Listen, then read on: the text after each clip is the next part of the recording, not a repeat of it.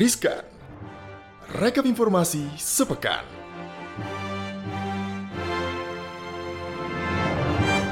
Hai hai hai, selamat pagi, selamat siang, selamat sore, selamat malam, malam semuanya. Apa kabar? Dan kali ini kita ketemu lagi dalam Riskan, rekap informasi sepekan. Dan gue Syarifah Rahma, dan ada siapa di sini? Ada Andi Shalini Sasa. Kita akan ngobrol-ngobrol ya, Iva. Keseruan banget nih seputar sepekan ini. Banyak banget berita-berita yang menarik yang pastinya nggak bakal kalian ingin lewatkan nih. Apa saja nih, Iva, yang pertama?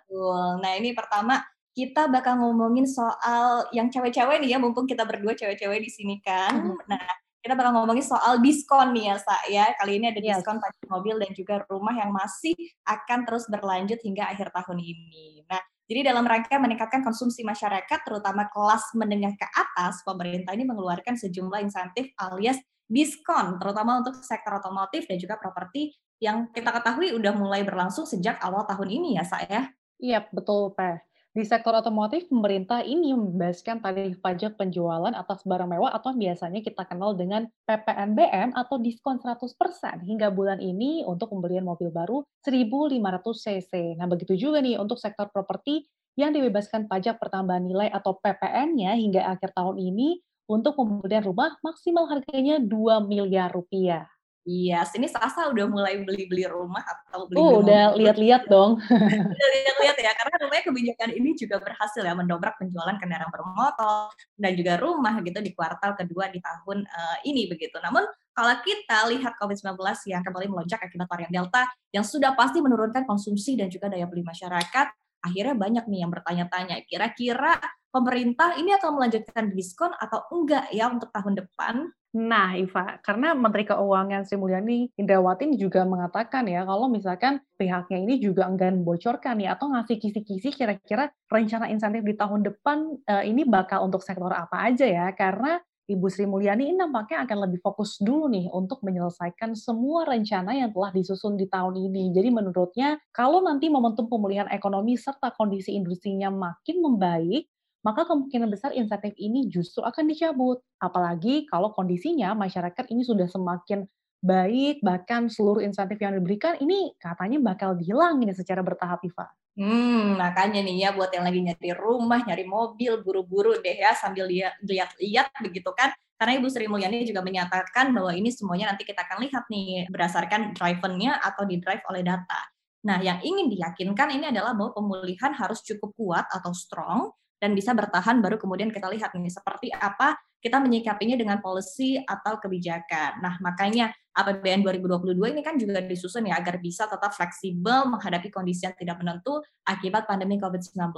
Sehingga kebijakan ke depan yang akan diambil tentunya akan melihat nih bergantung kepada kondisi COVID-nya sendiri seperti apa. Iya, aduh semoga saja pandemi cepat berakhir ya, biar kita bisa kayak dulu lagi nih jalan-jalan dan yang pasti bisa traveling lagi nih ke lima Bali baru nih misalkan. Karena iya. tahu nggak sih Pak kalau Pak Luhut nih bakal makin menggeber lima Bali baru nih demi KTT G20 di tahun 2022. Jadi Menteri Koordinator Bidang Kemaritiman dan Investasi, Bapak Luhut Binsar Panjaitan menegaskan, kalau pemerintah ini terus mempersiapkan lima destinasi pariwisata super prioritas atau DPSP. Yes, benar banget Sasta. Nah, meski sebetulnya saat ini kita ketahui pandemi COVID-19 juga masih berlangsung, begitu kan, hmm. tapi persiapan lima Bali baru itu demi berlangsungnya rangkaian acara internasional konferensi tingkat tinggi atau KTT G20 di tahun 2022 mendatang. Jadi, dalam keterangan resminya, Pak Luhut ini menyampaikan ya bahwa G20 ini akan menjadi ajang pertunjukan bagi peserta dan juga wisatawan terhadap destinasi pariwisata berkualitas yang bertumpu kepada pelestarian lingkungan hidup, pemberdayaan ekonomi masyarakat, dan juga pemuliaan nilai-nilai tradisional. Yap, jadi selain aspek fasilitas fisik, kesehatan juga perlu nih menjadi perhatian. Hal ini juga nih yang menjadi pembahasan dalam rapat koordinasi Dewan Pengarah 5 DPSP selasa lalu. Jadi kata Pak Luhut, Tujuan utama dalam peningkatan kualitas di 5 DPSP ini berfokus pada peningkatan fasilitas kesehatan, integrasi data berbasis sistem informasi geografis, dan juga ketersediaan infrastruktur. Nah, kalau terkait dengan fasilitas kesehatan, Menteri Kesehatan Bapak Budi Gunadi Sadikin yang hadir juga nih dalam rakor virtual tersebut menjelaskan tentang peningkatan sebaran puskesmas dan rumah sakit pada 5 DPSP serta digencarkannya vaksinasi. Ya, sini penting banget ya saya, apalagi kita ketahui tentu vaksinasi ini harus menjadi eh, salah satu yang paling diperhitungkan begitu kan sebelum membuka satu destinasi wisata baru. Nah, jadi vaksinasi di 5 DPSP melalui data Kemenkes yang sudah tinggi itu ada di wilayah Sumatera Utara, kemudian juga Sulawesi Utara begitu. Sementara yang masih dinilai rendah ini ada di daerah Jawa Tengah, NTT dan juga NTB. Nah, ini berdasarkan penjelasan dari Pak Menkes yaitu Pak Budi Gunadi Sadikin. Iya, Iva. Nah, kalau dari Menteri Komunikasi dan Informatika Bapak Joni G Plate ini juga memaparkan nih soal percepatan pembangunan infrastruktur telekomunikasi. Tentunya kita nggak mau ketinggalan dong update ya. Pasti butuh internet yang cepat nih aksesnya. Nah, kata Pak Joni G. Plate ini terkait dengan akses internet, di Mandalika ini telah dibangun 74 titik, kemudian Labuan Bajo 153 titik, Danau Toba 123 titik, Borobudur satu titik dan Likupang tujuh titik. Jadi sudah cukup banyak, jadi nggak perlu khawatir lagi nih. Sepertinya kalau mau update langsung ya, mau live Instagram mungkin ya, Iva. Ya udah nanti kita ajak ya kalau kita liburan kita ajak orang-orang buat apa live jalan-jalan ya. Oke, okay, yeah. nah tapi di satu sisi udah optimis begitu kan, udah mulai uh, pariwisata kita harapkan di tahun depan juga sudah bisa dibuka gitu kan. Tapi rupanya ada satu hal nih Sa, yang tetap harus kita waspadai. Wah ini agak-agak ngeri. Wah, apa itu Pak? Iya, jadi ini uh, mungkin udah pada dengar. Jadi yang lagi ramai juga gitu kan, lagi trending juga di media sosial Twitter gitu ada yang nyebut uh, bahwa ada heboh ya kemunculan varian mengerikan COVID-22 alias COVID-22.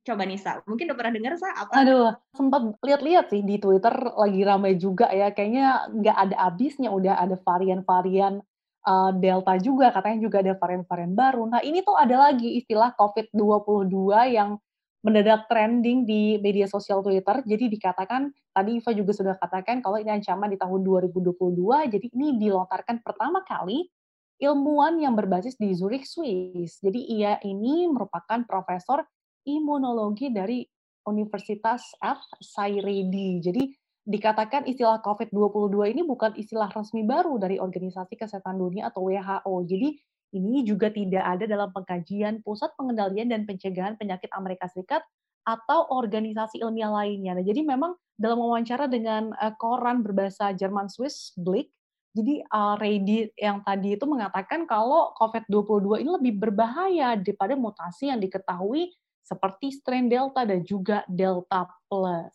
Wah, ini benar-benar ya bikin deg-degan gitu ya karena kita ketahui varian Delta aja udah cukup bikin serem iya, gitu. Oh, benar bisa mengutip dari Forbes, jadi uh, sang profesor Reddy ini mengatakan bahwa COVID-22 ini bisa menjadi lebih buruk dari yang kita saksikan sekarang. Nah, jika varian seperti itu muncul, maka kita harus mengenalinya sedini mungkin dan produsen vaksin juga harus bisa beradaptasi lagi uh, mengadaptasi vaksin dengan cepat. Jadi varian baru ini adalah resiko besar dan kita harus bersiap untuk itu. Nah, jadi setelah wawancara berjudul COVID-22 akan lebih buruk ini, rupanya memantik polemik nih di sosial media begitu. Jadi hmm. Reddy pun mengklarifikasi komentar wawancaranya dan ia mengatakan kalau sebenarnya ada kesalahan penafsiran saat wawancara dengan publik.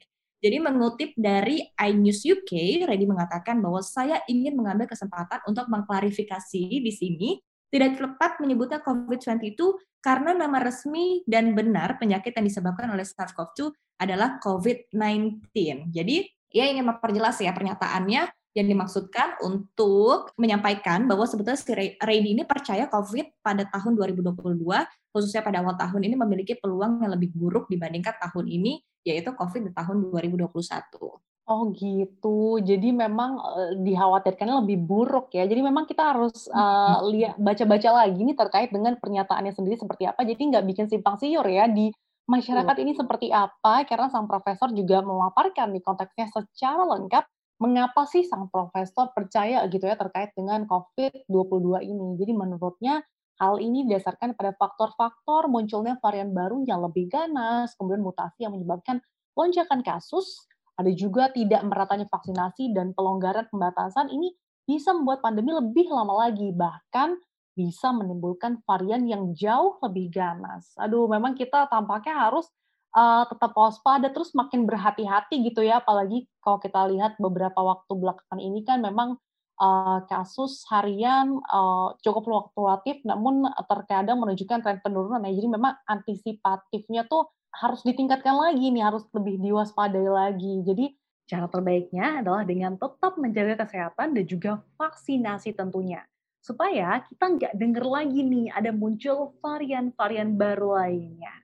Nah, Iva ini juga mengkhawatirkan nih bagi para milenial dan juga para selebgram meskipun tidak mengancam kesehatan, tapi mungkin mengancam uh, ini ya keeksisan di dunia maya gitu ya. Karena ya. fitur iya Iva, karena fitur swipe up Instagram Stories nih katanya bakal dimatikan 30 Agustus mendatang. Jadi bentar lagi nih aduh. Iya, jadi mengutip dari TechCrunch pada Selasa kemarin, sebagai gantinya, ini akan tersedia link stiker untuk membuka akses yang sebelumnya terletak di swipe up. Jadi swipe up-nya dengan kata lain akan digantikan dengan link stiker.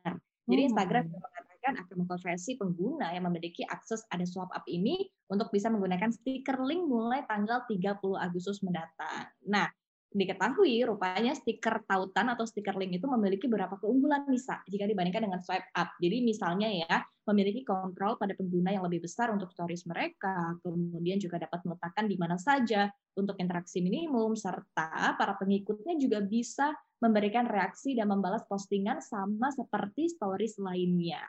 Nah, jadi feedback ini sebelumnya memang tidak tersedia ya pada fitur swipe up.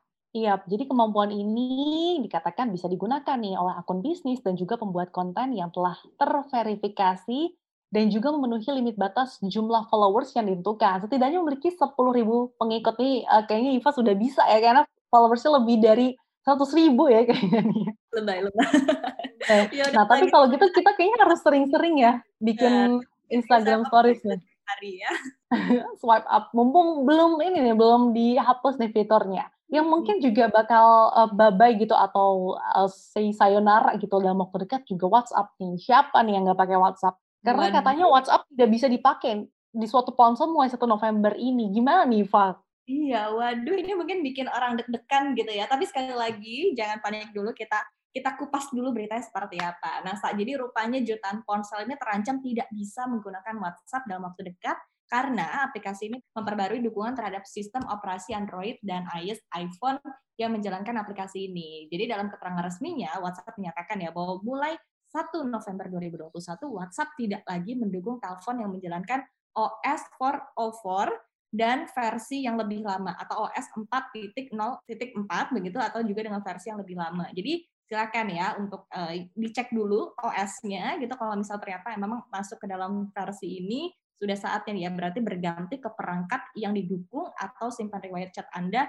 sebelum tanggal 1 November itu. Wah, Sobat Cuan nih kayak langsung ngecek nih pada pakai OS berapa. Tapi bagi mereka nih, Pak yang menggunakan sistem operasi di bawah Android OS 4.1 atau 4.1 dan di bawah iOS 10 nantinya tidak bisa melakukan verifikasi pada akun existing dan tidak bisa lagi membuat akun baru. Jadi pilihannya adalah upgrade atau mutakhirkan OS atau beli ponsel baru nih. Jadi bagi sobat cuan yang punya ponsel lawas, ya silakan deh harus melakukan upgrade sistem operasi. Nah gimana sih Pak caranya?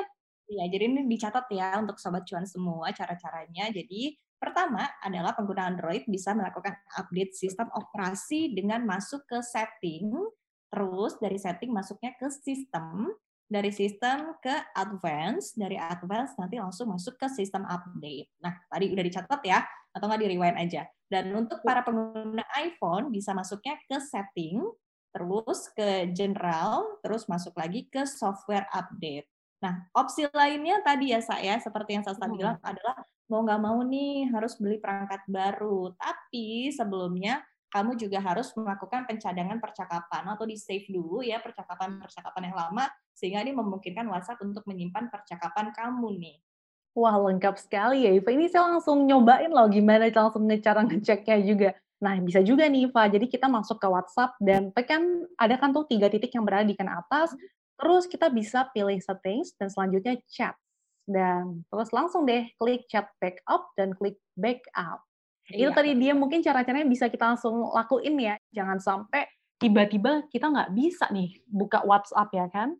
Hmm, nanti panik ya karena sekarang kan urusan kerjaan, cari gebetan, segala cari cuan. cari cuan itu kan harus lewat WhatsApp ya. Jadi ini penting banget untuk sobat cuan semua perhatikan jangan sampai nanti WhatsApp-nya hilang atau chatnya hilang gitu kan. Tadi juga cara-caranya sudah kita kasih tahu ya saya. Itu dia ya tadi riskan ataupun juga rekap informasi sepekan ya, untuk pekan ini. Nah, kalau misalnya untuk sobat cuan semua, jangan lupa Sa, harus apa? Harus dengerin podcast di Spotify, Apple Podcast, dan juga Google Podcast. Jangan lupa untuk follow Instagram di @cuap underscore cuan. Yes, benar. Dan jangan lupa juga ya subscribe YouTube channel Cuap Cuap Cuan. Jangan lupa harus like, harus komen, harus share, dan juga klik loncengnya ya. Jadi supaya dapat notifikasi setiap kita upload video-video yang baru dan juga pastinya bakal seru-seru banget. Oke, okay, thank you banget untuk Sobat Cuan semua di sini. Dan sehat-sehat selalu ya untuk kita semua. Saya Syarifah Rano pamit. Dan saya Shalini atau Sasa pamit. Sampai jumpa di Rizka, rekap informasi sepekan. Dadah! Bye!